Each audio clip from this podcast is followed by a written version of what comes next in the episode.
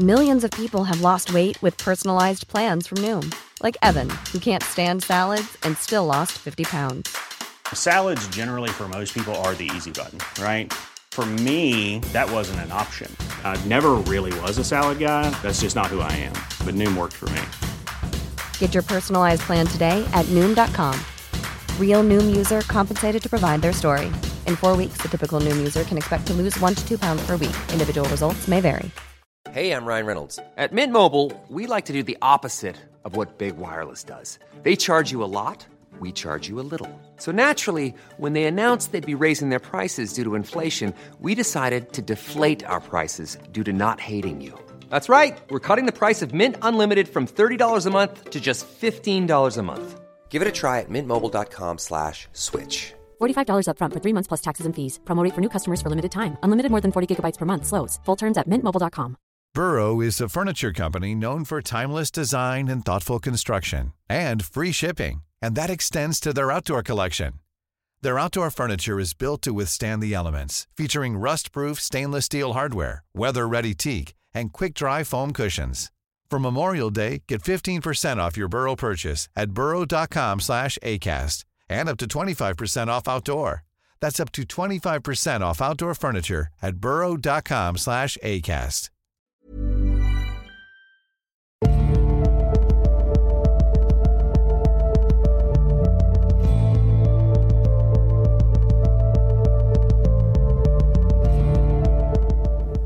Gjør hva du vil skal være hele loven. Velkommen til eh, Tåkeprat. Jeg heter Even, og vi er nå kommet til episode 49, og den femte og siste delen av Prometheus. Og når jeg tar opp denne, så er det da søndag den 10. desember 2017. Det har vært eh, litt av noen uker fram mot denne episoden. Jeg sa jo mot slutten av forrige at eh, jeg kom til å bli påvirket av å jobbe med Crowley i så lang tid. Og selv om jeg riktignok fremdeles befinner meg i Norge, og da ikke i en sexkult i en villa i Italia, så gjorde dette seg utslag i at jeg valgte å skrive en kronikk. Bare for å få enda litt mer å gjøre, i tillegg til å jobbe med episode 50, da. Det å ha mange jern i ilden, det var jo et kjennetegn på Crowley. Og han var jo ikke ekstrem bare til å skrive bøker om magi og dikt, men også avisartikler, så jeg tenkte jeg skulle prøve meg litt på det. Inspirert av denne eksentriske engelskmannen og hans skriverier, så bestemte jeg meg for å skrive en kronikk om det ekstreme lavmålet som preger kommentarfeltene i avisene.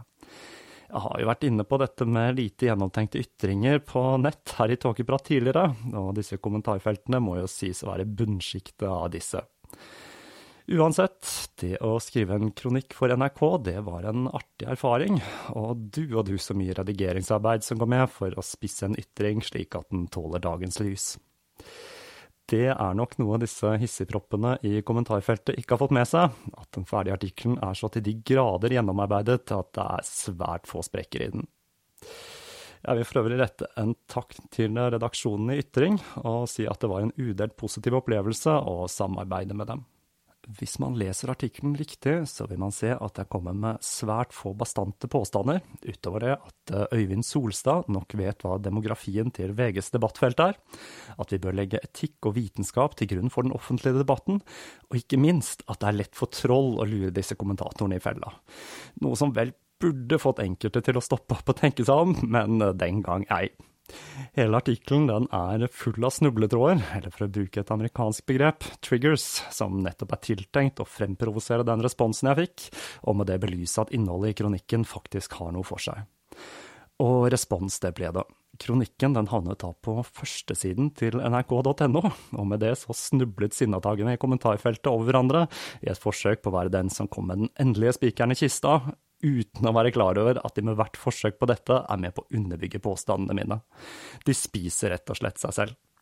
En siste prikk over i-en er vel at jeg har titulert meg selv som podcaster, da jeg nødig vil trekke inn min stakkars arbeidsgiver i dette, og ikke minst fordi det er i egenskap av podcaster jeg skrev denne kronikken.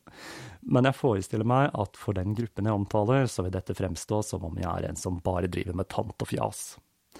Og så det har sagt, jeg gikk inn i dette med åpne øyne, vel bevisst om at denne kronikken ville skape et vanvittig levende kommentarfeltet. Selv om jeg må si jeg er litt overrasket over graden av respons den fikk da, at det var så mange som skulle la seg lure i fella, altså. Det er tydelig at jeg traff enda bedre enn jeg hadde forestilt meg. Allerede før jeg sendte den inn, så bestemte jeg meg for å ikke lese kommentarene. Det har jeg da andre som gjør for meg, jeg blir sliten bare av tanken. Så om noen av dere har orket å delta i kommentarfeltet, så vil jeg rette en takk til dere for det. Det krever en enorm tålmodighet, innsatsvilje og ikke minst tid å snakke med den rabiate gjengen der. Denne saken har jo også en alvorlig side. For meg som en 40-åring, som med Crowley på baklomma og et stort glis konstruerte denne kronikken, vel vitende om at den kom til å provosere noe voldsomt, så preller det hele av meg som vann på gåsa. Men hva med den unge idealisten som faktisk har lyst til å delta i den offentlige diskusjonen? Jeg forestiller meg at uh, f.eks. en uh, ung jente fra Natur og Ungdom som har lyst til å skrive en ytring om utfasing av fossilt brennstoff, vil tenke seg om to ganger før hun legger seg på det alteret som er den offentlige debatten. Og med det så stilner vi en rekke stemmer i det offentlige rom, og sørger for at denne gjengen med surpumper får diktere hva som skal stå på dagsorden. Det har vi ikke råd til som samfunn, og jeg føler at jeg har klart å illustrere dette ganske godt med denne kronikken ikke minst med drahjelpen til kommentatorene, som desperat graver sine egne graver på NRKs nettsider. Mens jeg sitter her og podcaster, ikke så rent lite fornøyd over at min lille kronikkdebut skapte så mye følelser, og jeg håper at jeg med denne har klart å synliggjøre at dette faktisk er et samfunnsproblem. Jeg linker da til denne kronikken i episodenotatene. Så akkurat nå så ser jeg veldig fram til litt juleferie, for et år det har vært, og nå ser jeg fram til å avslutte det hele med episode 50. Jeg kommer nok da til å ta opp denne i løpet av neste uke, og overlate publikasjonen av denne til Internets ånder på søndagen, da det ser ut til at jeg har litt å sysle med denne siste helgen før jul.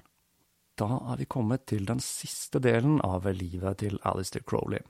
Og der stikkordet til forrige episode var sex, så er stikkordet til denne drama og skandale. Og det er nok denne delen av livet hans de fleste forbinder med Crowley. På mange måter så kan vi dele livet hans i tre faser, der den første består av hans karriere som globetrotter, fjellklatrer, poet og aspirerende magiker. Denne fasen går så over i den dekadente perioden i Amerika, som topper seg med etableringen av det telemiske klosteret i Italia, og en periode som da sklir ut i utstrakt rusbruk og kultlignende tilstander. I den neste fasen av livet skulle Crowley være en persona non grata, og selv om han også i denne perioden utmerket seg med sitt magiske arbeid og sine utallige forhold, så blir han sakte, men sikkert forvandlet til et kulturelt ikon, et symbol på alt som var galt i samfunnet for noen, og en brannfakkel i kampen mot sensur og for seksuell frigjøring for andre. Men han skal ha for det, han godeste Alistair Crowley. Han beholdt sin sans for humor til det siste. Og da tror jeg vi bare skal hoppe rett inn i episoden, for dette er en svært omfattende del.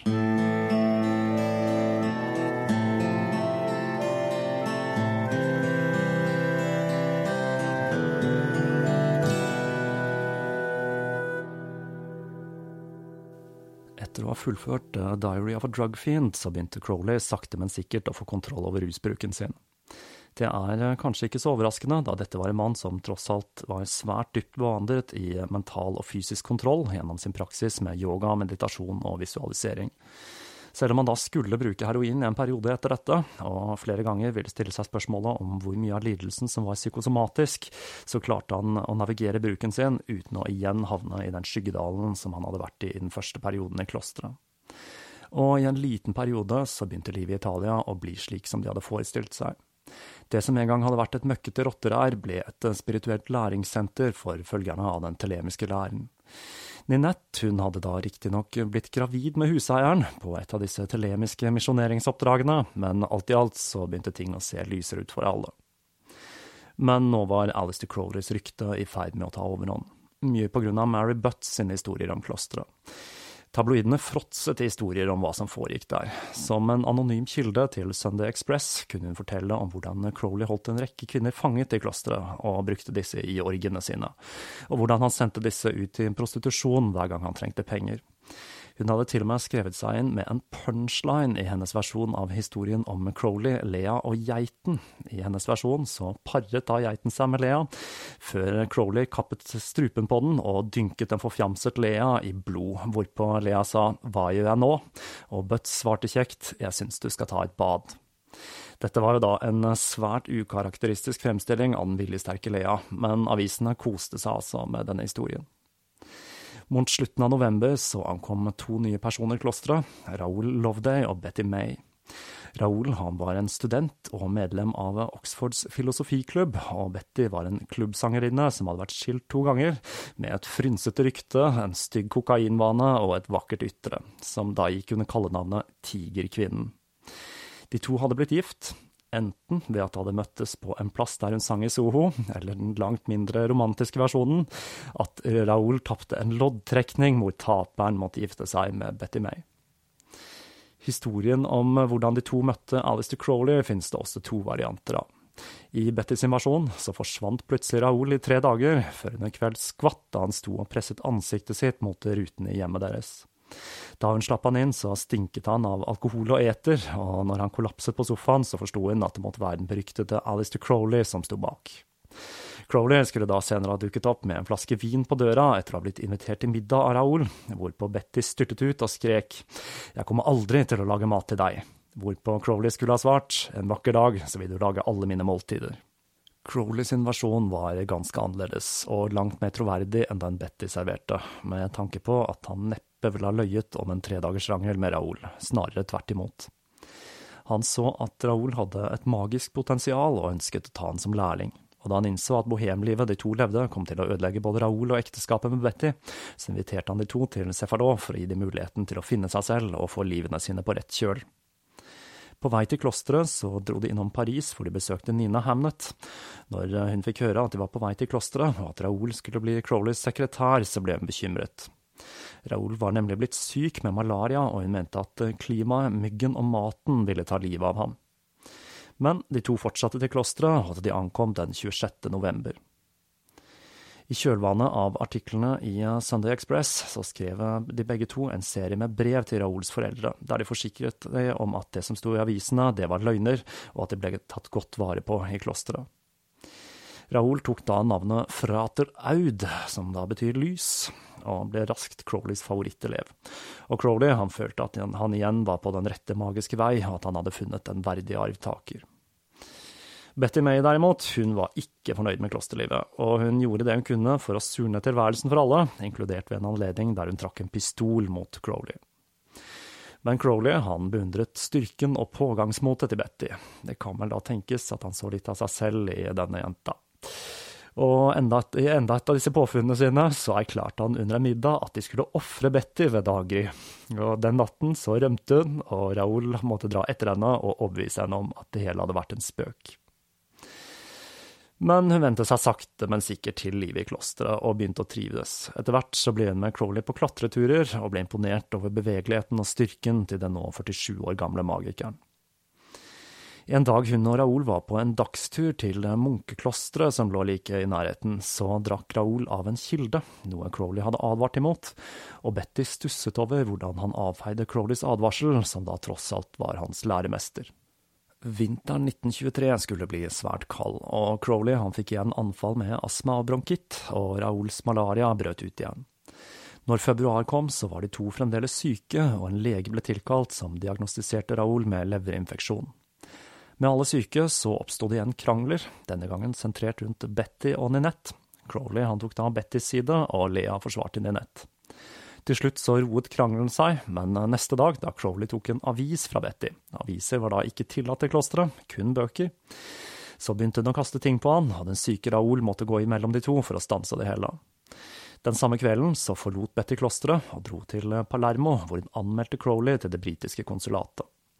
Konsulen han skulle da vise seg å være en frimurer. Man skulle da tro at dette var til Crowleys fordel, men han tilhørte da en losje av frimureriet, som kort fortalt ikke var spesielt glad i Crowley av hans forenkling og integrering av frimurerritene i OTO. Men den neste dagen så kom Lea til Palermo med et romantisk brev fra Raoul, og Betty hun trakk anklagen, og de dro tilbake til klosteret. Raoul han ble verre. Legen fortalte at han hadde fått eh, en akutt magebetennelse, og med det så fortalte han og Betty om den dagen da de hadde drukket av kilden Crowley hadde advart de om. Tilstanden hans ble verre, og de måtte igjen hente legen. Mens eh, legen var ved Raouls side, så tok Crowley med seg Betty for å be for Raoul mens solen gikk ned i Middelhavet. På vei tilbake til klosteret så kom Lea de to i møte. Er han blitt verre? spurte Betty. Lea svarte på sin vanlige direkte måte. Han er død. Legen fortalte at han hadde dødd av hjertestans. Han hadde vært så syk at det var ingenting de kunne ha gjort. Det lokale lovverket krevde at liket måtte begraves innen 24 timer, så Crowley måtte nå lede sin, sitt første begravelseritual, der de begravet Raoul like utenfor den lokale kirkegården, siden han ikke kunne begraves i vigslet jord da han ikke var katolikk. Liket ble senere hentet av foreldrene hans, som tok han med seg hjem til England. Etter gravferden kollapset Crowley i sengen, hvor han kom til å bli i tre uker, syk med høy feber. Betty hun satte kursen hjemover, og hun sendte et vennlig brev til Crowley, som startet og sluttet med telemiske hilsener, og hvor hun lovet at hun skulle komme tilbake når anledningen bød seg.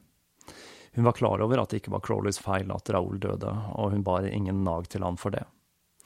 Men så var det tabloidene, da. Tilbake i London så tilbød Sunday Express henne en klekkelig sum for en saftig historie fra klosteret, og Betty hun leverte. Hun fortalte at det en dag hadde kommet en katt inn i klosteret, og at Crowley hadde fanget denne og kuttet halsen på den uten å drepe den, slik at den hadde løpt rundt i tempelet og sprutet blod over det hele, før Crowley igjen fanget den, drepte den og helte blodet i en kopp som Raoul måtte drikke av, og at det var dette som hadde gjort at han hadde dødd. I historien hun fortalte, så var hun en uskyldig jente, og hun og hennes mann ble lurt av den perverse og ondskapsfulle Alistair Crowley, som ødela ekteskapet deres. At denne historien ble fortalt av en kvinne med utstrakt kokainbruk, tre ekteskap bak seg, og som hadde kallenavnet Tigerkvinnen, det ble det ikke ytret et pip om. Denne artikkelen ble fulgt opp av fire andre den samme våren. Ondskapens trollmann, verdens ondeste mann, kongen av perversitet ankommer, og en mann vi gjerne skulle ha hengt.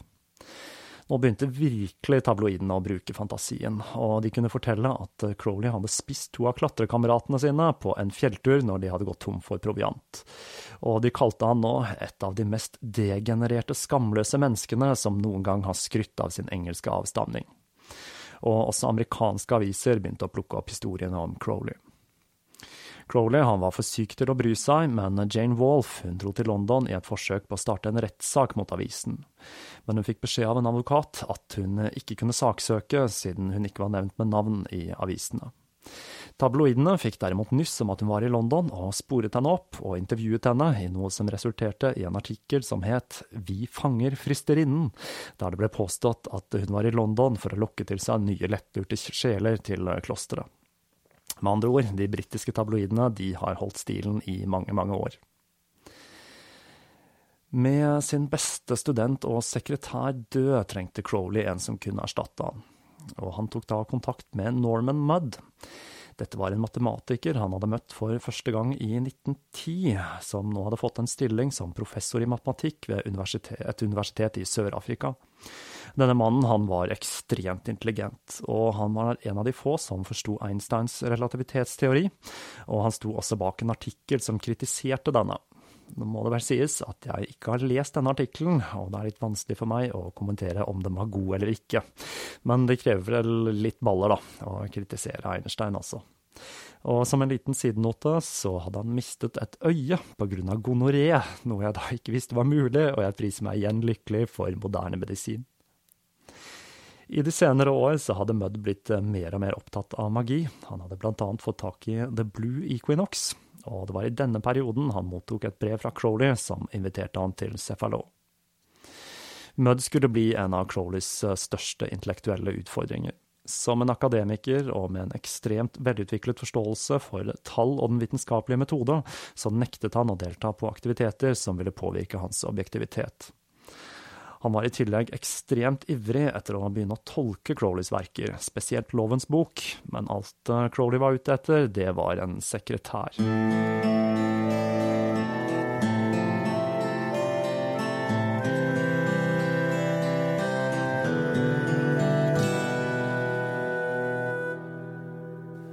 Han tok da navnet Frater Omnia Pro Veritate, som betyr alt for sannheten, og ankom Cefalot i april.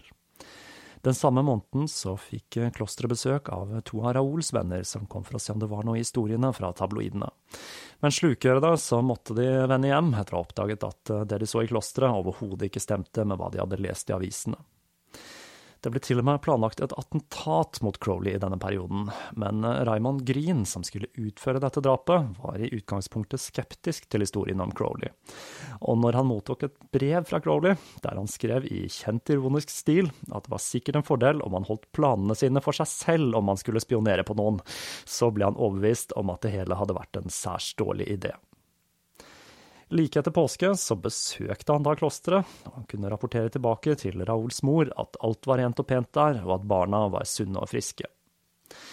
Men freden skulle ikke vare lenge. Den lokale kommissæren, dette var da under Mussolini altså, han forlangte at Crowley måtte forlate landet innen en uke. Sammen med Lea så forlot han klosteret, mens Mudd og Ninette ble igjen med barna. De satte kursen mot Tunis, hvor de endte opp eh, på det billigste hotellet de kunne finne, i La Marsa. Hvor de da var plaget med lite søvn, skrantende helse og et museinfisert hotellrom. I England så godtet tabloidene seg over Crowleys utvisning fra Italia. I mellomtiden så fødte Ninette en datter som i god Crowley-tradisjon ble døpt Isabella, Isis, Selene, Hekate, Artemis, Diana, Jane. Men av praktiske grunner så brukte de da navnet til Ninettes søster, Mimmi, om den vesle jenta. Faren, som da altså var huseieren, han ville ikke vite noe av verken Ninette eller datteren, men han klaget derimot over den forfalte husleien. I Tunis begynte Crowley igjen å skrive, og han begynte nå på sin biografi, som han da forestilte seg skulle bli et gigantisk epos på hele 600 000 ord. Han skrev også en rekke antifascistiske dikt som en respons på utkastelsen fra Italia. Mudd og hans matematikervenn Edmund Hugo Simon ankom Tunis den sommeren, og sensommeren og høsten brukte Crowley på å skrive, og han fikk enda en fiks idé. Nå vil han nemlig starte en golfresort, men det skulle da aldri materialisere seg. Men trøbbel det fulgte som vanlig med Crowley. Mudd han hadde nemlig forelsket seg i Lea, og Crowley han så på dette som mangel på disiplin, og de løste det hele med en såkalt sannhetshandling, et magisk dokument Mudd måtte signere med de andre som vitner, og han dro på en åttedagers retreat for å balansere seg selv. Da han dro, så kysset Lea han og sa 'jeg elsker deg' to ganger. Dette skulle da føre til at den forelskede Mudd brukte hele retiten på å tenke på Lea, og da han kom tilbake, så hadde han en rekke nye ideer om innholdet i lovens bok. Blant annet så sto det at skarlagenskvinnen skulle være høylytt og utro, og han foreslo da at Lea skulle gifte seg med han, sånn at hun var utro når hun og Crowley hadde sex. Crowley var da ikke spesielt begeistret for denne litt kreative tolkningen. Etter Crowley og Lea hadde utført en ny rekke med ritualer og hadde fått en ny serie med visjoner, så sendte Crowley ut et brev til studentene sine, der han tilkalte dem for å hjelpe til både fysisk og økonomisk i klosteret, hvor Ninette nå var alene med barna. Den eneste som svarte på dette kallet, det var en student av Windram i Sør-Afrika, Adam Murray, som ankom klosteret med en donasjon, og Ninette ble overlykkelig over både selskapet og pengene, og skrev et sprudlende brev til Lea med de gode nyhetene. Mot eh, slutten av 1923 så skilte Crowley og Lea igjen lag. Crowley han dro til Marseille for å møte Frank Harris, og de to planla å kjøpe Paris Evening Telegram for igjen reise kjerringa, mens Lea hun dro til Cefalot, og Mudd han var strandet i Tunis uten penger.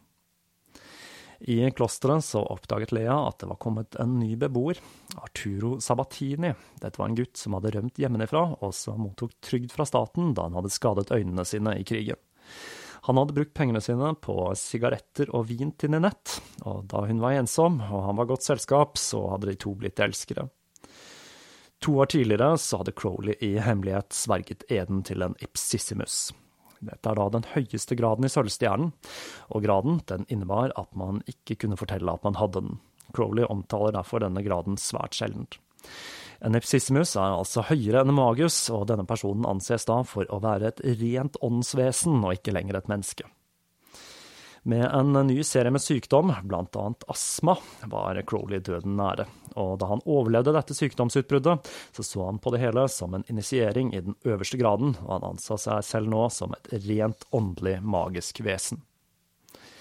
Når Lea kom for å møte ham på sykesengen, først litt usikker, siden Crowley da hadde fått denne nye graden, så ble hun snart overbevist om at hun var skarlagenskvinnen, og ble svært lykkelig over å være ved sin mesters side. Men hun hadde med seg dårlige nyheter. De var nemlig ikke i stand til å betale leien i klosteret. Crowley og Lea de trakk nå i alle tråder for å få finansiell støtte. Crowley han sendte den lutfattige Mudd til London, hvor han da leide seg en knøttliten, ukomfortabel leilighet. Han begynte å samarbeide med Jane Wolfe og Murray om å renvaske Crowley. De tre så seg nødt til å selge klærne sine for å ha råd til mat og husleie. Men eh, dette skulle vise seg å være en stor utfordring. Det skulle nemlig vise seg svært vanskelig å skrape sammen penger for å forsvare den beryktede Alistair Crowley. Og i klosteret så hadde Ninette blitt gravid igjen.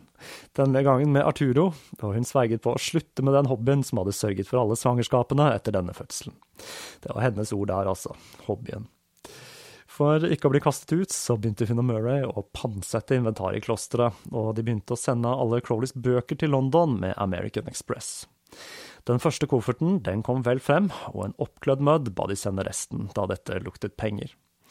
Men disse ble da stoppet i tollen, tolv kofferter totalt, og de ble alle konfiskert pga. det usømmelige innholdet. Lea hun dro til London i et desperat forsøk på å redde bøkene, men til ingen nytte.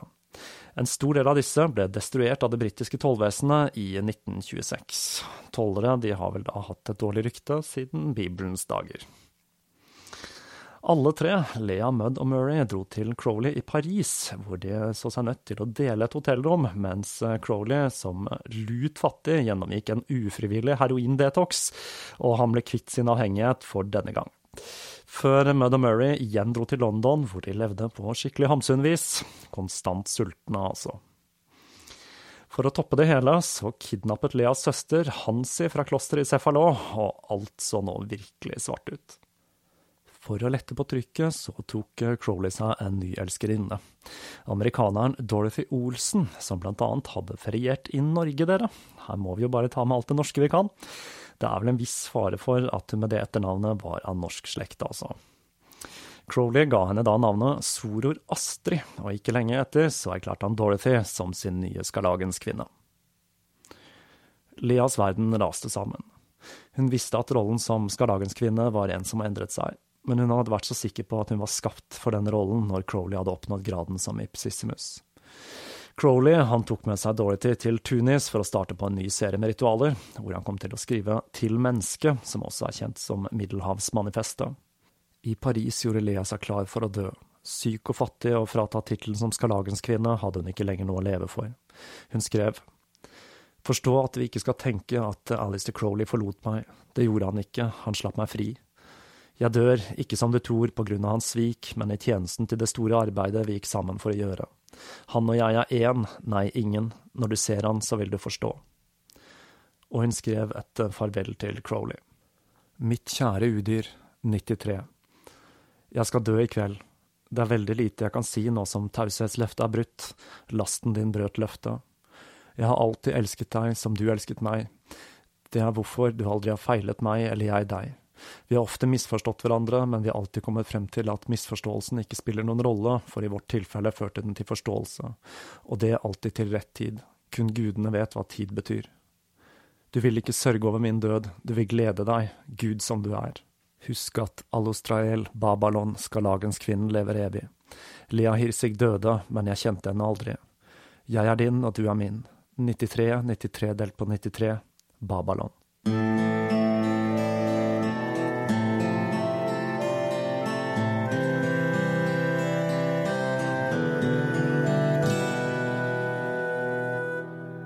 Ute av stand til å betale for hotellrommet vandret hun nedbrutt i de regntunge gatene, hvor hun kollapset mens en menneskemengde stimlet sammen for å se på denne møkkete kvinnen, som enten var ruset eller syk. Hun tenkte på strofen fra Lovens bok, kastet vekk fra menneskene, som en sammensunket og foraktet skjøge skal hun krype gjennom de morgenvåte gatene og dø, kald og utsultet. Men døden kom ikke. Uansett hvor mye hun tagg og ba, og den 29. september så kom et telegram fra Ninette der hun fikk vite at Hansi var i Amerika. Den neste dagen så kom Norman Mudd, og han fikk eh, endelig sin store kjærlighet da de to giftet seg i et telemisk ritual. Men like etter så dro han tilbake til London, hvor han bodde på fattighuset, mens Lea holdt seg i live som mestruarbeid som oppvaskehjelp og potetskreller. I klosteret så var det kun to kofferter med Crowleys eiendeler igjen, og den gravide Ninette hadde mer enn nok å gjøre med å skaffe mat til de fire barna. Arturos trygd kom med ujevne mellomrom, og etter en krangel så kastet Ninette han ut, men han ble da tilgitt da han vant en liten slump med penger i et lotteri, og han troppet opp med mat og kaffe. Hun savnet sin tidligere rivalerinne Lea og Crowley intenst.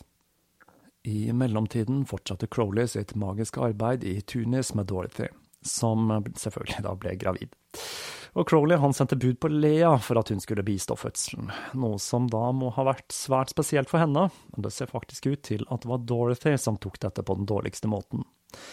Og når Lea troppet opp i Tunis, så var hun også blitt gravid. Men da ikke med Mudd, men med en annen sølvstjernestudent, George Barron. Men Dorothy hun hadde da en spontan abort, så de tre de dro til Paris, hvor Lea begynte å finne styrken sin igjen. Hun fant ut at hun klarte å skille mellom Crowley som en magisk lærer og Crowley som en mann, og hun skrev et rasende brev til han, hvor hun da blant annet skrev Du er ikke så mye en magus som en fitte. Du ser ut til å overse alle de hellige skriftene på grunn av din egen seksuelle dårskap. Lea hadde fått nok. I Sefaro så fødte Ninette en sønn, mens trusselen om å bli kastet ut begynte å se ut til å bli en realitet. Dorothy hun begynte som så mange av de andre av Crowleys elskerinner å drikke, og Mudd han begynte å stille spørsmål ved Crowleys tolkning av lovens bok. Kort sagt, kaos og intriger preget telemittene. I juni ble det holdt en OTO-konferanse for å utnevne en ny leder. Crowley var da en av kandidatene som en ny leder for denne organisasjonen etter Raus. På denne tysklandsturen, som ble sponset av Frater Saturnus, eller Carl Germer, det er en person som skulle spille en svært sentral rolle i resten av livet til Crowley, da møtte Crowley en rekke spennende mennesker, blant annet en designer fra UFA filmstudioer, som vi da har vært inne på en del ganger her i Tåkeprat. Denne mannen hadde da blant annet bidratt til Nosferatu og The Cabinet of Dr. Kalagari. På denne konferansen ble OTO splittet i tre fraksjoner. En som ikke ville ha noe med Crowley og hans lære å gjøre. En som aksepterte den telemiske loven, men ikke Crowley som overhode og profet. Og den siste, med Carl Germer i spissen, som da aksepterte Crowley som det nye overhodet for organisasjonen og den nye Messias. Det oppsto også en konflikt mellom Crowley og CS Jones, da Crowley mislikte bøkene han hadde skrevet om Kabala, og også mistenkte at han hadde stjålet en del av boksamlingen hans. Det skulle senere vise seg at han ikke hadde stjålet bøker, men Jones han fortsatte på sin egen vei og gjorde en rekke eksentriske ting, som da blant annet å forsøke å introdusere engelske paptister for den telemiske læren. Han ble da senere kastet ut av OTO av et kritisk skriv om Crowley. Norman Mudd sin historie er enda mer bisarr.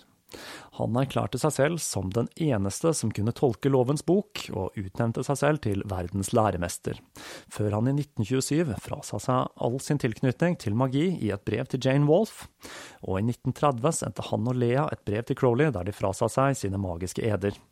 Det hele endte med at han i juni 1934 fylte lommene sine med stein og vandret ut i den engelske kanalen og druknet seg selv.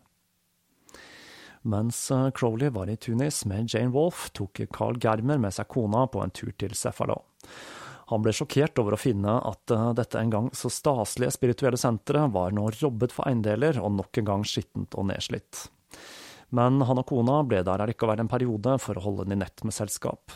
Etter dette oppholdet så besøkte han Crowley i Tunis og fortalte om forholdene ved klosteret.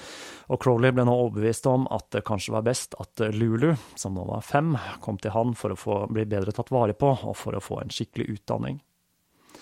Men han fikk eh, andre ting å tenke på, og glemte raskt både klosteret, Ninette og Lulu. Til mennesket fikk nemlig en svært god mottakelse, og i 1926 skulle Crowley bruke tiden på helt andre ting enn sin datter. I den teosofiske bevegelsen så var nemlig ideen om en verdenslærer, eller en buddha- eller Jesus-figur, svært sentral. Og de lanserte nå Jiddu Krishnamurti som den nye Messias. Historien om Krishnamurti er en utrolig spennende, og der tror jeg jeg ga meg selv en idé til et nytt tema her i Tåkeprat. Men Crowley han mente da selvsagt at han var den nye verdenslæreren, og han satte i gang en storstilt kampanje for å fremme sitt kandidatur til denne rollen. Men denne kampanjen den skled da sakte ut i ingenting. Det samme året publiserte han en svært luksuriøs utgave av Lovens bok, trykket i kun elleve eksemplarer, og som han distribuerte til sin nærmeste sirkel. Lea sendte sine retter med et brev. Jeg returnerer den andre kopien av din bok for å symbolisere at jeg trekker tilbake all min anerkjennelse av deg som udyret eller prest av prinsene, eller som en som har noen som helst autoritet i den telemiske loven. Au da, Crowley. Som dere har skjønt, så var Lea Hirsig en svært viljesterk og selvstendig dame. Crowley og Dorothy skilte lag. Hun dro til Chicago mens Crowley begynte å se seg om etter en ny partner, og det var nok å velge, ni stykker for å være helt nøyaktig. Han endte da opp med å forlove seg med Margaret Binetti, men dette skulle bli en kortvarig affære, da hun hadde liten interesse for magi og satt svært liten pris på Crowleys esoteriske begrunnelser for sine mange elskerinner. I Sefaros begynte Ninette sine nerver å bli tynnslitt, og Crowley innså at det beste ville nok være å legge lokket på det telemiske tempelet og få Ninette og ungene tilbake til Frankrike. Og nå forlot også den siste personen fra denne perioden Crowleys side. Jane Wolfe dro tilbake til USA, hvor hun fortsatte det magiske arbeidet, og håpet å få i gang filmkarrieren sin. Noe som skulle vise seg svært vanskelig pga. koblingen til den beryktede Alistair Crowley. Hun skulle bare få én rolle til i sin karriere, i filmen Under Strange Flags fra 1937. Men det var ikke slutt på de magiske lærlingene til Alistair Crowley. Gerald York dro til Paris nyttårsaften 1927 for å møte Crowley, denne rikmannssønnen og forfatteren var dypt fascinert av hans verker, og tvilte på historiene som ble fortalt om han i pressen. Crowleys vesen gjorde så dypt inntrykk på den unge mannen at da han fikk vite at Crowley hadde en rekke upubliserte manuskripter, så tilbød han seg å bli forretningsfører for Crowley, som smigret av Geralds entusiasme takket ja til tilbudet. I januar 1928 tok han navnet Volo Interlegre, jeg vil forstå, og solgte en del av verdigjenstandene sine for å opprette et fond for å renvaske Crowley og publisere verkene hans. Hvorfra Crowley fikk en ukelønn på ti pund, og han tok også kontakt med de resterende Sølvstjernemedlemmene og ba de betale en kontingent for å hjelpe Crowley. Kun én Jacobi bidro med 20 dollar i måneden. York betalte også en maskinskriver for å stensilere manuskriptene til Crowley. Et av disse var del tre av bok fire, Magic and Theory and Practice, som da er en av Crowleys mest kjente magiske bøker. Denne boka var den første moderne praktiske innføringen i magi på engelsk, og Crowley var sikker på at denne ville bli en knallhit. Men han blåste nok opp hvor stort markedet for en slik bok da faktisk var. I det hele tatt så fikk York styr på livet til Crowley. Han begynte systematisk å samle inn alle bøkene hans, noe som var en komplisert prosess, da disse bokstavelig talt var spredt utover hele verden. Han klarte også å tøyle Crowleys planer om å saksøke i saker som var dømt til å feile. Og så dukket en kvinne opp igjen, da, selvsagt. Casimira Bass. Dette var en polsk dame fra Lemberg, som da historisk var en del av Polen, men den tilhørte da Østerrike på denne tiden, og i dag så er Lemberg en del av Ukraina. Everyone knows therapy is great for solving problems, but getting therapy has its own problems too, like finding the right therapist, fitting into their schedule, and of course, the cost. Well, BetterHelp can solve those problems. It's totally online and built around your schedule. It's surprisingly affordable too. Connect with a credentialed therapist by phone, video, or online chat, all from the comfort of your home. Visit betterhelp.com to learn more and save 10% on your first month. That's BetterHelp, H E L P.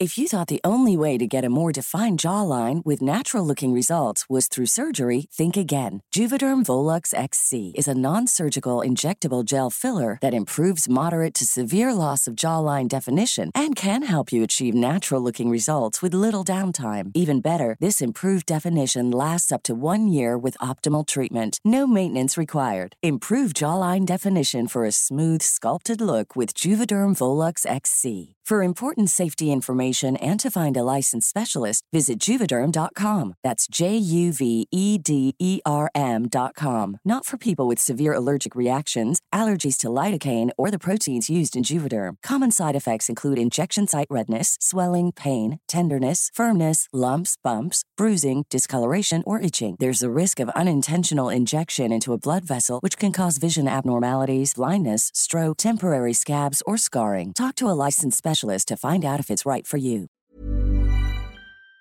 Da Crowley hadde møtt henne i 1927, så hadde han fridd til henne hele fire ganger, men eh, hun hadde da dratt hjem, men lovet å komme tilbake. Når hun troppet opp hos Crowley, så gikk det ikke så veldig lang tid før hun begynte å innse at bostandarden var betydelig lavere enn hva hun var blitt forespeilet. Og et forhold som startet lykkelig, skled raskt over i pengekrangel. Og Crowley uttalte at Casimira har det samme blomkålegoet som ødela Akkad. CS Jones, altså. Og blomkålego, det er jo et fint skjellsord å ta med seg. Å finne noen til å trykke Magic in Theory and Practice i England, det var svært vanskelig med Crowleys rykte. York kunne ha gjort dette selv, men de fryktet inngripen til Scotland Yard, så de bestemte seg for å trykke den i USA. Men selv det skulle vise seg vanskelig. Da forleggeren Turnbull returnerte de 200 pundene Crowley hadde betalt for utgivelsen, da han nektet å skrive om enkelte problematiske deler av boken. Det skulle også vise seg at Casimira underslo penger fra Yorks fond, og forholdet med Crowley det tok slutt sommeren 1928. I denne perioden ble Francis Regardi Crowleys eh, sekretær. Dette var en eh, ung kunststudent som var blitt svært opptatt av Crowleys verker, da han hadde lest det han hadde skrevet om yoga, og dette hadde ført til en dypere interesse for magi. Han hadde tidligere tatt kontakt med Crowley, som nå tilbød han stillingen som sekretær. Regardi, som da enda ikke var myndig, dette var da 21 år på denne tiden, han var 20, han måtte spørre foreldrene sine om tillatelse, men da han visste at det neppe ville bifalle at sønnen begynte å jobbe for den beryktede Alistair Crowley, så fabrikkerte han en historie om at han var blitt invitert til England for å studere med en kunstner. Regardi, som da tok navnet Frater Scorpio, ble altså Crowleys sekretær før han fylte 21.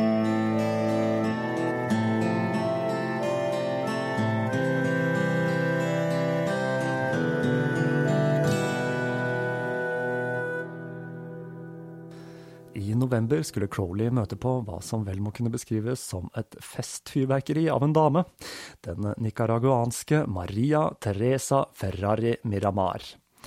Denne skilte damen skulle bli Crowleys nye skarlagenskvinne, og hun gjorde da et uutslettelig inntrykk på alle hun møtte. Ikke minst Regardi, da Crowley og Maria begynte å ha sex på gulvet da de møttes første gang i en middag hjemme hos Crowley. Men uh, mer trøbbel var i gjære for Crowley. For det første så ville ikke hans datter Lola Sassa vite av. Maria skulle da vise seg å ikke være helt psykisk stabil, hun hadde da en rekke innfall og paranoide vrangforestillinger, og på toppen av det hele så fikk Regardi gonoré fra en prostituert. Som nevnt tidligere så kunne dette få ganske alvorlige konsekvenser på denne tiden. Men det virkelige rabalderet det begynte når franske myndigheter nektet å fornye oppholdstillatelsen til Crowley og krevde at han skulle forlate landet. Og britiske myndigheter var ikke interessert i å hjelpe den beryktede Alistair Crowley. Han ble syk i denne perioden, og fikk derfor utsettelse på utkastelsen fra Frankrike. Han planla da å utnytte dette, og tenkte å bli i Frankrike fram til publikasjonen av Magic. Men Regardi og Maria ble også kastet ut av landet da de var assosiert med han. De dro først til England, hvor Maria ble nektet innreise da hun ikke hadde oppholdstillatelse, og de endte opp i Belgia, hvor den langt mer erfarne Maria forførte Regardi, som da ble svært bekymret for hva Crowley ville gjøre når han fant ut av det. Crowley forlot Frankrike den 17. april, da Magic så ut til å bli publisert som planlagt, og han satte kursen atter en gang mot England. Hvor tabloidene nå godtet seg over utkastelsen, og det var begynt å sirkulere rykter om at Crowley sto bak drapet på en rekke kvinner i Frankrike. Dette pisket da opp stemningen, og flere forlangte at Scotland Yard skulle arrestere Crowley. I England så støtta han på Edward Goldson og Percy Reginald Stevenson, som da drev et lite trykkeri og forlag, Mandrake, som hadde vært i hardt vær den siste tiden, da de hadde vært i midtpunktet av en offentlig debatt om sensur pga. en utstilling med malerier som ble beslaglagt av myndighetene, fordi de da avbildet kjønnsorganer og kjønnshår. Stevenson han omfavnet Crowley og arbeidet hans, og Crowley fikk nå et forskudd han brukte på å leie et hus i Kent. Marias innreiseforbud det løste de ganske enkelt. Da Maria og Regardi ble kastet ut av Belgia, dro Crowley for å møte de i Tyskland, og den 16. august 1929 så giftet de seg, før han tok med seg sin nye kone tilbake til England. Den høsten begynte Mandrake å publisere noen av Crowleys tidligere verker, og det var enda en bok som skulle fange oppmerksomheten til offentligheten, nemlig Betty Mays biografi, Tigerkvinnen, min historie, hvor man da kunne lese at Raoul hadde dødd av å drikke urent vann og ikke av katteblod. Og hun omtalte Crowley og perioden i Cephalon i positive ordlag. I Kent så ble Crowley en kjent og kjær figur. Man kan vel si at han var en slags original der han vandret gatelangs i vinterjakke og skjerf og sang på gamle sjømannssanger. Stevenson begynte nå arbeidet med å renvaske og forsvare Crowley og han begynte på boka Legenden om Alistair Crowley, og Mandrake publiserte også den første delen av Crowleys biografi, Tilståelsene til Alistair Crowley. En bok som var så lang at de bestemte seg for å gi den ut i seks deler. Men når denne kom i oktober 1929, så kunne ikke timingen ha vært stort verre. Den sammenfalt nemlig med børskrasjet og begynnelsen på de harde 30-åra. Til tross for dette så åpnet de en utstilling med Crowleys bilder, og i tillegg til å slippe den andre delen av biografien, så begynte de også å distribuere Magic in Theory and Practice. På hjemmefronten så begynte ting å skli ut. Maria var begynt å drikke, og hun begynte å få paranoide vrangforestillinger. Etter en rekke besvimelsesanfall så sendte Crowley henne i en periode på et pleiehjem. Crowley skulle også være midtpunktet i en annen skandale i begynnelsen av 1930, da han ble invitert til å tale i poesiklubben på Oxford. Og foredraget Crowley planla å holde, det er et vi har vært inne på tidligere her i Tåkeprat, nemlig det om Gilderé, hvor han da legger fram sin hypotese om at denne mannen var en magiker som var blitt et offer for hekseprosessene. Uansett, med dette mildt sagt kontroversielle temaet og Crowleys rykte, så satt ledelsen ved Oxford en stopper for det hele. Noe som førte til at en rekke studenter demonstrerte mot sensur, og forelesningen ble trykket som Den forbudte forelesningen, og solgte som bare det. Crowley tok nå en tur til Berlin, hvor han planla en kunstutstilling. Da møtte han den 19-årige Hanni Larissa Jæger, som delte hans lidenskap for maleri. Når Maria fulgte etter, så tok hun alkoholproblemet sitt med seg, og Crowley lot henne være igjen i Tyskland, mens han selv dro til England, hvor legenden om Crowley ble publisert og fikk positiv omtale fra et uventet hold, nemlig fra ingen ringere enn Nauburg. Drikkingen til Maria gjorde at Crowley ikke lenger ville vite av henne. Og når Mandrake begynte å slite økonomisk, så tok han med seg Fraulein Jæger, som nå var blitt hans elskerinne, og han nå hadde fått tilnavnet, tilnavnet Monsteret, og han la ut på en reise hvor de to planla å reise jorden rundt. Da de kom til Lisboa, iscenesatte Crowley sin egen forsvinning, før han dro videre til Tyskland, og han melket dette for alt det var verdt, og ryktene om at Crowley var blitt myrdet, begynte nå å sirkulere i pressen.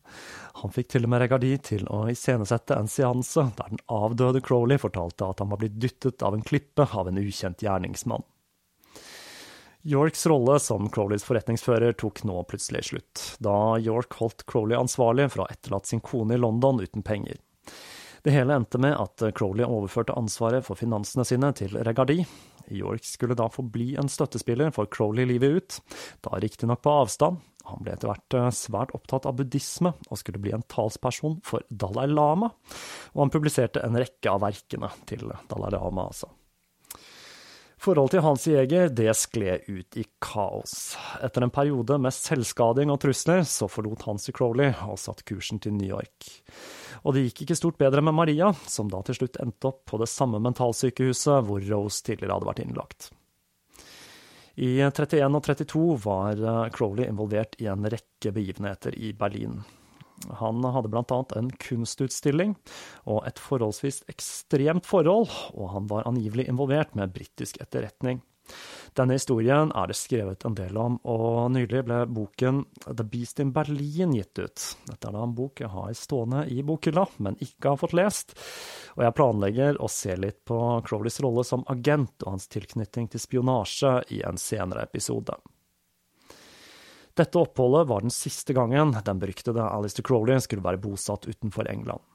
Den 5. juli 1932 besøkte han Maria på asylet, og legen ga ham beskjed om at Maria var et håpløst tilfelle, og at det nok var best at han lot henne være i fred. Og så begynte igjen en ny nedgangstid for Crowley. York han planla å dra til Shanghai. Crowley ble kastet ut av leiligheten sin, og huseieren beslagla alle eiendelene hans som pant for den ubetalte leia. York så da sitt snitt til å sikre seg noen av disse, og kjøpte Crowleys manuskripter for 50 pund. Og en annen gammel kjenning av Crowley publiserte nå sin biografi, nemlig Nina Hamnet. Og selv om hun stort sett beskrev ham på en positiv måte, og regnet med at Crowley ville bli fornøyd av beskrivelsen av han, så skrev hun at hun trodde at de hadde drevet med svart magi i Cephalo. Og Crowley, som nå ikke lenger hadde York til å rådføre seg, satte i gang en serie med søksmål. Ikke bare mot Nina Hamnet, men også mot York, for da angivelig å ha misligholdt forretningene hans. Dette var da et søksmål som ikke førte frem. Men det skjedde også et par positive ting i denne perioden.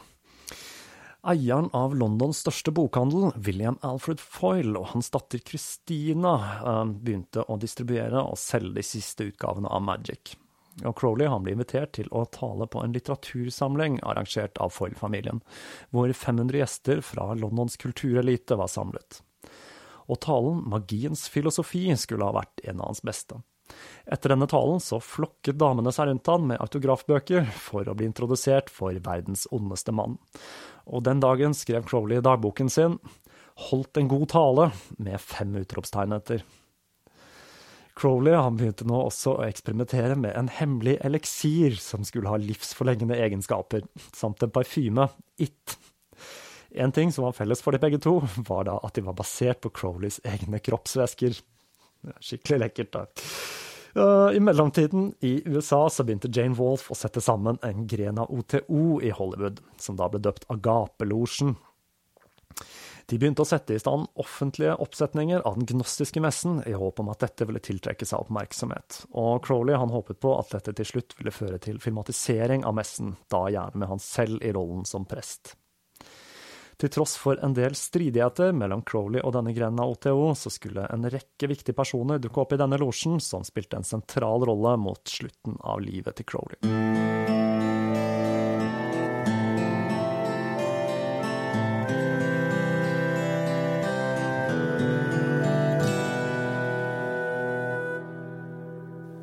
Den 10. april 1934 startet rettssaken mot Nina Hamnet. Denne saken utspilte seg i stor grad på samme måten som rettssaken Jones mot Looking Glass to tiår tidligere, og den handlet i stor grad om Crowleys karakter og var en selsom affære. For eksempel så ble han spurt om han kalte seg Udyret 666 etter udyreåpenbaringen, hvorpå han svarte at 666 var et magisk tall for solen, og at de kunne referere til han som Lille Solstråle. Det store trumfkortet til Forsvaret var at de hadde fått tak i et av de ytterst få eksemplarene av White Stains. De fleste av disse var da blitt destruert. Dette var altså en av hans første bøker, den som ble stemplet som pornografisk. Og flere vitner, annet Betty May, ble dratt inn i denne rettssaken, som da varte i fire dager og endte med et knusende nederlag for Crowley, som ble dømt til å betale saksomkostningene. Men ikke så galt at det ikke var godt for noe. Like etter denne rettssaken så møtte han den 19-årige elskerinnen til Robert Thin, Dietre Patricia Maureen Dorothy, som da senere skulle gi han noe ingen av skarlagenskvinnene hadde klart. Hun skulle føde hans sønn. Han forsøkte å anke, men han tapte igjen, og mot slutten av året, syk med lungebetennelse, ble han igjen kastet ut av leiligheten. 1934 var i det hele tatt ikke et godt år for Alistair Crowley. I begynnelsen av 1935 så begynte inkassokravene å hagle rundt Crowley. Det kom også fram at han aldri hadde betalt skatt. Crowley han skyldte da på at han aldri hadde blitt bedt om å betale skatt, og han pekte også på York og det faktum at han var i Shanghai. Og kreditorene de tok nå hans aller siste eiendeler. Når han endelig fikk en artikkel på trykk i Referee den 10. mars 1935, så troppet han opp neste dag med en ny stabel artikler. Men da han fikk beskjed om at de ikke ville ha de, så reagerte han igjen med å saksøke. Og han tapte så det sang. Til å begynne med hadde OTO og sølvstjernemedlemmer i Tyskland sett på Adolf Hitler som en potensiell kandidat til å spre det telemiske budskapet. Men da Hitler begynte å vise sitt sanne ansikt, og ikke minst begynte å slå hardt ned på esoteriske ordener som med frimurerne, så trakk de raskt sin støtte. Carl Germers oppholdstillatelse løpte ut, og han ble sendt til Tyskland, hvor han ble fengslet av nazistene.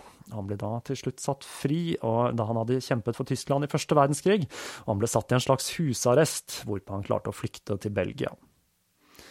1936 var preget av eh, stridigheter i losjen i USA, og et par viktige hendelser til. Eller viktig og viktig, Crowley han begynte nå nemlig med enda en kunstform, matlaging. Han var da kjent for sine ekstremt sterke curryretter, og dette førte til et nært vennskap med poeten Charles Richard Camel, som skulle vise seg å tåle de ekstremt sterke rettene. Og etter han spurte etter et glass med vodka etter å ha fortalt en av Crowleys sterkeste kreasjoner, så ble de to venner for livet. Våren 1936 så støtte Crowley på Patricia Dorothy igjen, og de to de innledet et platonisk vennskap, før Crowley en dag spurte om hun ville bli mor til hans barn.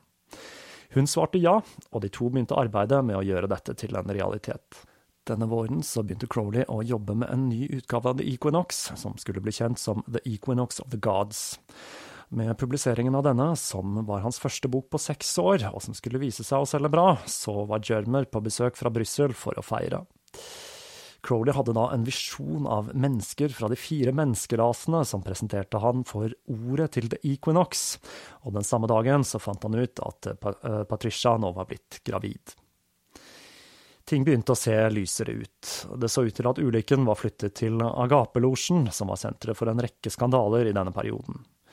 Og Crowley han begynte nå også å gjøre en rekke lydopptak med det nye populære opptaksmediet grammofonplaten. En rekke av disse de eksisterer i dag. Om du har lyst til å høre Crowley snakke, så er det altså fullt mulig. Det ligger til og med en Crowley-samling på iTunes. I januar 1937 dro Crowley igjen til sitt kjære Paris, hvor han holdt en serie med foredrag om yoga som regnes som noen av hans aller beste. I et av disse foredragene, hvor han da følte at publikum ikke helt klarte å følge med på det han snakket om, så avbrøt han det hele jevnlig med å skrike 'til helvete med biskopen fra Canterbury', noe som vel gjorde at forsamlingen ble enda mer forvirret. I mai ble hans første sønn født, Randall Gere Dorothy, men de kalte han da Alistair Ataturk. Den sommeren møtte han en dame som kanskje skulle spille den viktigste rollen i den siste delen av livet hans, nemlig Marguerite Frida Harris, som var kona til et medlem av parlamentet. Hun var en kunstner med en dyp interesse for det okkulte, men den første gangen de to møttes, i en lunsj hvor hun tilfeldigvis var med, så gjorde hun lite inntrykk på Alistair Crowley. Den samme høsten så planla han å trykke enda en bok, 'Hjertet til mesteren', i tillegg til et nytt opplag av The Equinox of the Gods. Og med det nye opplaget av Equinox så husket han visjonen han hadde hatt med den første utgaven, denne om de fire menneskerasene, altså. Så han bestemte seg for å leve ut denne visjonen. Dette gjorde han da med å ta med seg vennene sine på et fylleslag på byen. På denne turen så plukket de opp en svart danserinne, en muslim fra Bengal, en jøde og en malayser. Og de holdt festen gående. Det var da en fest som Crowley sa var kjedelig inntil de begynte å drikke whisky, fram til klokka 6.22 hvor Crowley da holdt en kort tale og presenterte de fire med hver sin utgave av den nye Equinox. En smule forvirret så dro de alle hjem hver for seg. Crowleys kommentar i dagboken dagen etter var 'fyllesyken er veldig ille'. Til tross for at en journalist fra Daily Express som var med på denne fylleturen, skrev om hendelsene, så solgte det andre opplaget relativt dårlig. Og Crowley, som nå var 62, og som vennene ga kallenavnet Den gamle kråka, begynte å slite med dårlig helse og astma. Det neste prosjektet hans var å trykke opp et stort opplag av Lovens bok i paperback for å spre det telemiske budskapet. Frida Harris hadde blitt et medlem av Sølvstjernen tidligere det året, og hun tok navnet Soror Tsaba, som da betyr vert. Og i august hadde Crowley foreslått at hun skulle designe en tarotstokk basert på hans beskrivelser i The Equinox. De to inngikk et kompromiss. Han skulle skrive en ny bok om tarot, og hun skulle male illustrasjonene. De to inngikk et samarbeid der Harris betalte et stipend til Crowley i bytte mot leksjoner i magi. De begynte i august, med det litt for optimistiske estimatet om at dette skulle ta seks måneder. Arbeidet, som skulle resultere i den kanskje vakreste boken produsert i Crowleys forfatterskap, og den definitive boken om tarot, skulle kreve fem år med intenst arbeid i en periode preget av dårlig helse og pengemangel. En annen sølvstjernestudent som Crowley så på som sin potensielle etterfølger, dukket også opp i denne perioden. Skuespilleren John Blant Jameson. Denne mannen var da svært glad i festing og reising, og hadde droppet ut av Cambridge for å forfølge sin skuespillerdrøm. Og Crowley han fikk låne den romslige leiligheten hans mens han var ute og reiste eller på turné. Mens Crowley planla utgivelsen av Mesterens hjerte, begynte Europa å brenne. Resten av 1938 brukte han og Sorod Saba på Tarot-boken, og hans eh, nye sekretær Nora Nott begynte å stensilere yogaforedragene fra Paris, som han da planla å gi ut som en bok med tittelen Åtte foredrag om yoga. Crowley var nå tilsynelatende i storform igjen, og han begynte å produsere som aldri før. Han og Frida de jobbet frenetisk med Tarot-boken, i tillegg til at han hadde en rekke andre jern i ilden. Men han havnet da i en konflikt med Jameson og ble kastet ut av leiligheten. Konflikt var da fremdeles et sentralt tema i livet til Crowley. Selv uten kommentatorfelt og nettaviser der, altså. Mørkleggingen av London begynte, og grepet av patriotisme begynte han på hva som skulle bli en serie med proengelske og antinazistiske dikt.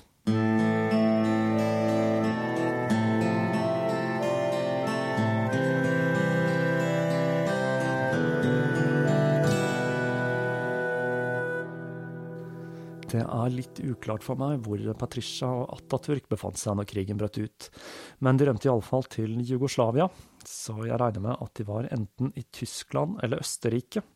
Og senere skal vi se at Patricia hadde en bestemor i Jerusalem, noe som får meg til å tro at hun muligens var jøde. Og da var det vel kanskje lurt å rømme fra Tyskland, ja. ja. I hvert fall, Crowley han skrev et dikt som het England stå imot, som han da sendte til BBC. Og han søkte om opptak i Englands Naval Intelligence Division, eller NID, men han fikk avslag. Men til tross for dette så samarbeidet han med britisk etterretning. Dette er igjen et tema han har skrevet mye om, og et jeg har lyst til å ta for meg siden. Her må det vel nevnes at han hadde en rekke bekjente både i MI6 og MI5 og han ble foreslått til å avhøre Rudolf Hess etter han gjorde stuntet der han overga seg for å forsøke å skape fred mellom Tyskland og England. Og Hess er jo en person som for så vidt er verdig en serie i seg selv. Og ikke bare det, Crowley han hevdet da å stå bak symbolet V for Victory, da som en magisk gest mot Hitlers svastika. Selv om man da regner BBC-sendingene til Victor de Lavallee eller David Ritchie som kilden til dette tegnet, så hevdet altså Crowley at det var han som sto bak. Og det er et par ting her som taler i hans favør. Eksempel, den hebraiske bokstaven V, vav, er, et, er fallisk og betyr spiker. Crowley mente da at dette symboliserte spikere i Hitlers kiste.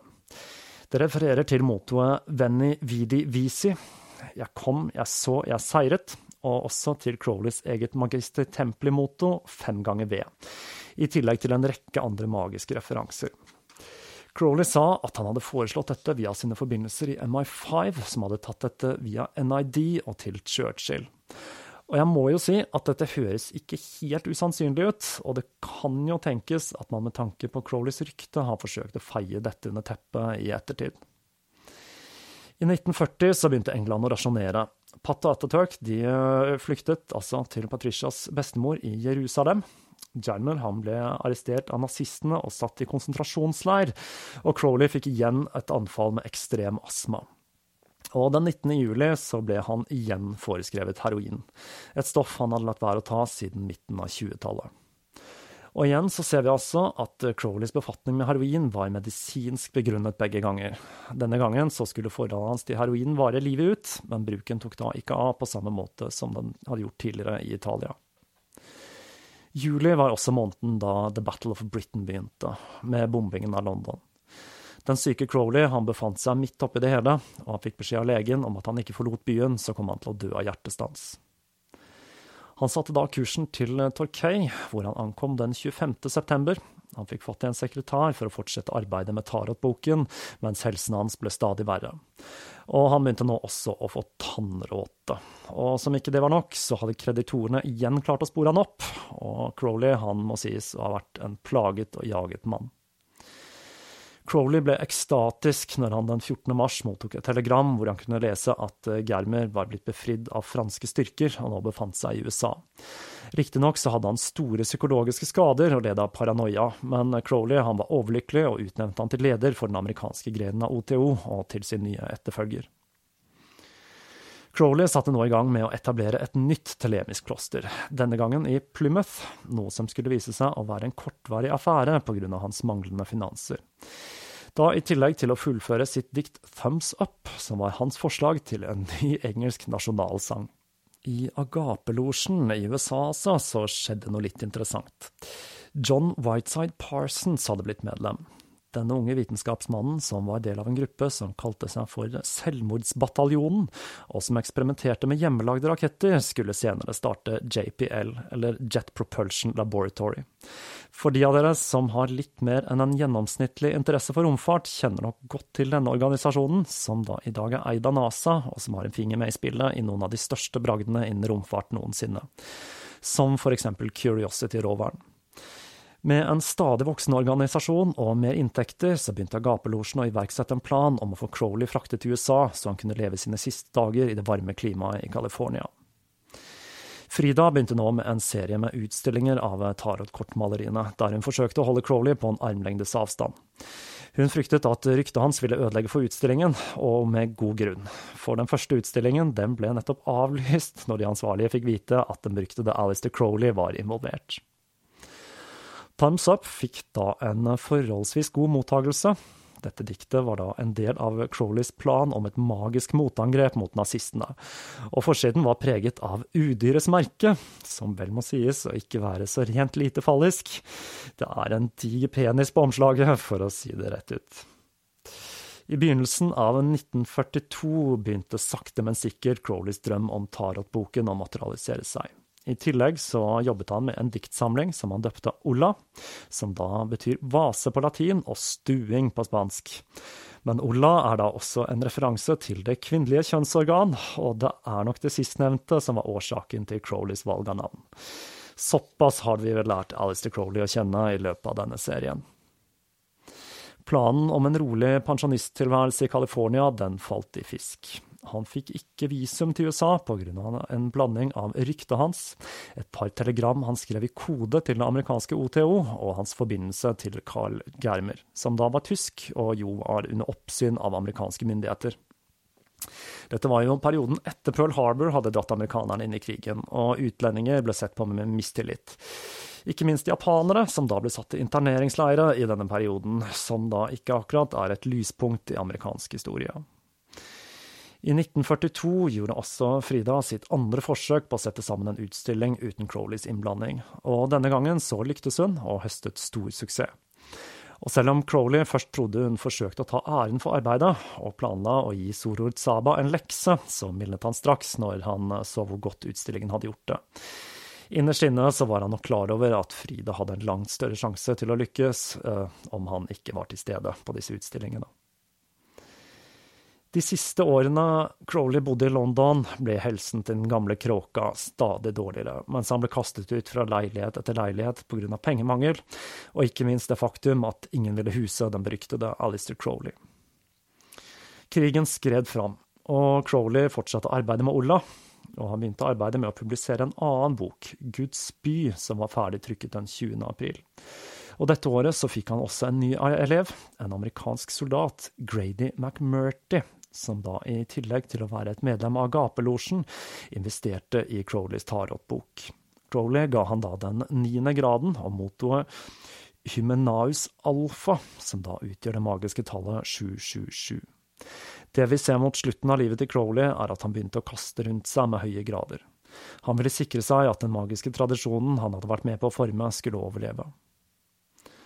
I 1944 så den gamle og syke Crowley seg nødt til å dra fra det utbombede London, og han dro da til The Bell Inn i Buckinghamshire. Dette er et legendarisk landlig hotell som tilbød gratis overnatting for kjendiser i bytte mot at de menget seg med gjestene. Husreglene til dette hotellet de var da ganske artige. Gjestene må ikke terge gjengangerne. Gjestene bes være så stille som mulig mens de dør av frykt. Frokosten blir servert klokka ni for de som overlever natten. Gravlønnen Hastings Burrow er fem minutter unna, ti hvis man bærer et lik, men kun ett minutt slik spøkelset flyr. Gjestene må ikke grave graver på plenen, men bruke de ferdig gravde gravene under trærne. Resepsjonen har en del brukte klær til salgs, som tilhørte gjester som ikke lenger har bruk for jordisk gods. The Bell Inn skulle bli Crowleys siste hjem. Flere ting skjedde mens den aldrende og syke Crowley tilbrakte sin siste tid på The Bell Inn. Tarot-boken, som fikk navnet The Book of Toth, oppkalt etter den egyptiske guden for magi, ble publisert. Dette er da rett og slett en nydelig bok, og jeg kan ikke finne min kopi, og jeg lurer på om jeg faktisk ikke blir nødt til å kjøpe en ny utgave. Her har du da et fint julegavetips til en okkult interessert venn eller en bedre halvdel, for illustrasjonene til Frida de er virkelig fantastiske, og dette er en virkelig flott bok, og den regnes vel som den definitive boken om tarot. I USA dukket en annen svært kjent person opp i Agapelosjen, nemlig Elron Hubbard, ingen ringere enn grunnleggeren av scientologikirken, altså. Han var involvert i et sketsjy opplegg med kjøp og salg av yachter med noen av Agapelosjens medlemmer, før denne mannen, som på denne tiden kun var en science fiction-forfatter, og ikke en spesielt bra en, dro videre på sin vei og grunnla sin egen religion. Den 6. august 1945 ble atombomben brukt i krig for første og siste gang i historien, da De forente stater bombet Hiroshima og Nagasaki, og verden ville aldri bli den samme igjen. Menneskene hadde fått kontroll over de grunnleggende kreftene som binder materien sammen, og de valgte å bruke denne nye kunnskapen til å spre død og ødeleggelse på en skala ingen tidligere hadde sett. Få ting er så tankevekkende som Oppenheimers sitat fra den hinduistiske teksten Bhagavad Gita etter at han så den første atomprøvesprengningen. Nå har jeg blitt døden, ødeleggeren av verdener. Bhagavad Gita er da et tema som muligens vil dukke opp her i Tåkeprat. Dette er en fantastisk god religiøs tekst som fremdeles har relevans flere tusen år etter den ble skrevet. Crowley mottok en rekke gjester ved The Bell-in. Hans eh, følgere, journalister og nysgjerrige flokket til for å få et par siste ord med den aldrende magikeren. Crowley ble spesielt rørt når Patricia og Atatürk kom til England for å besøke han. En annen svært viktig figur i den magiske scenen på denne tiden var innom Crowley i denne perioden, nemlig Gerald Gardner, som da ble innviet i OTO av Crowley og gitt tillatelse til å åpne sin egen gren av organisasjonen. Han gjorde da aldri det, derimot så skrev han en rekke bøker som, for å si det litt forsiktig, låner ganske utstrakt fra Crowleys magiske systemer, og han la grunnlaget for hva som i dag er Vikka. Den 1. desember 1947, 72 år gammel, forlot Alistair Crowley vår verden, omgitt av venner. Et tordenvær brøt ut. Gudene hentet Prometius hjem.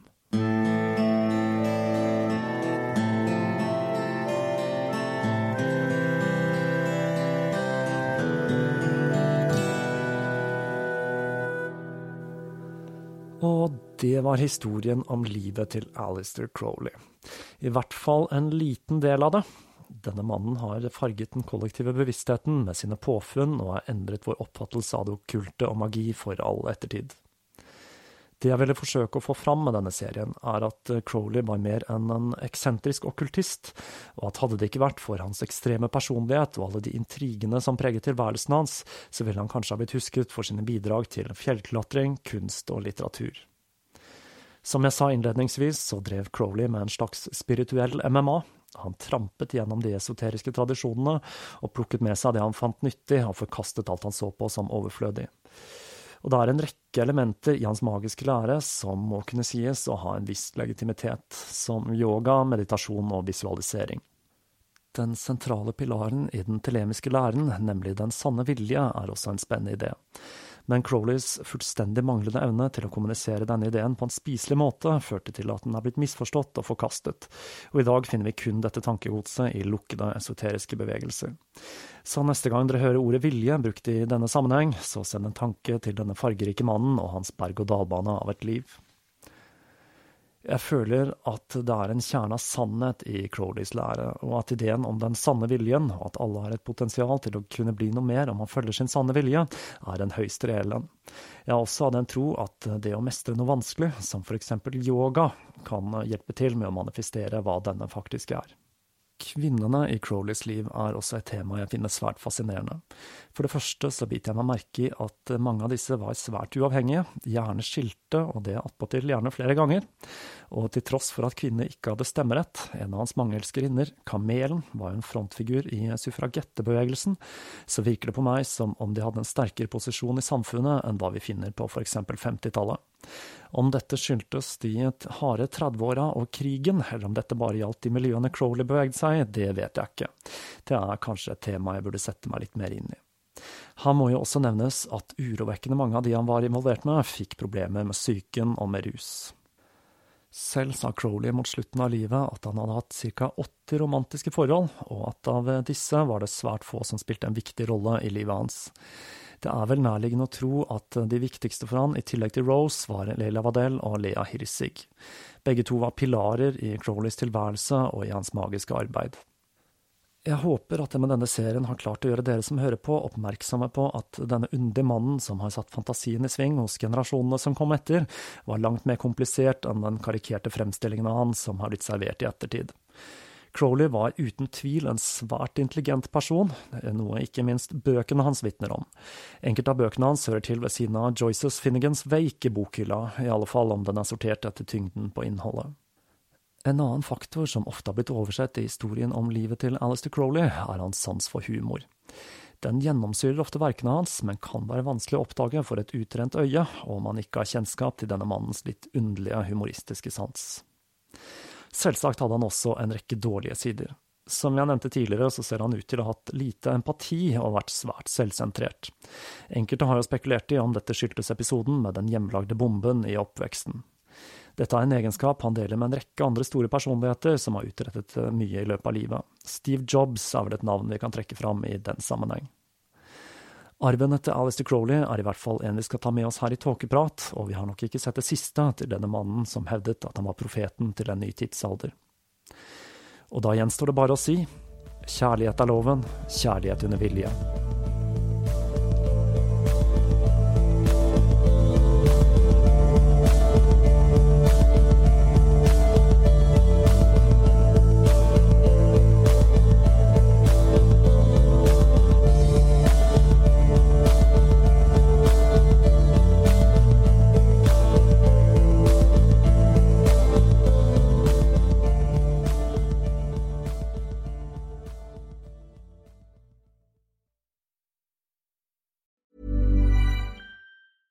Planning for your next trip?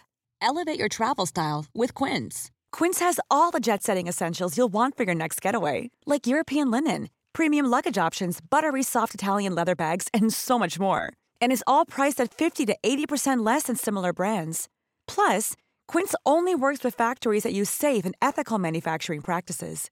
Pack your bags with high-quality essentials you'll be wearing for vacations to come with Quince. Go to quince.com slash pack for free shipping and 365-day returns.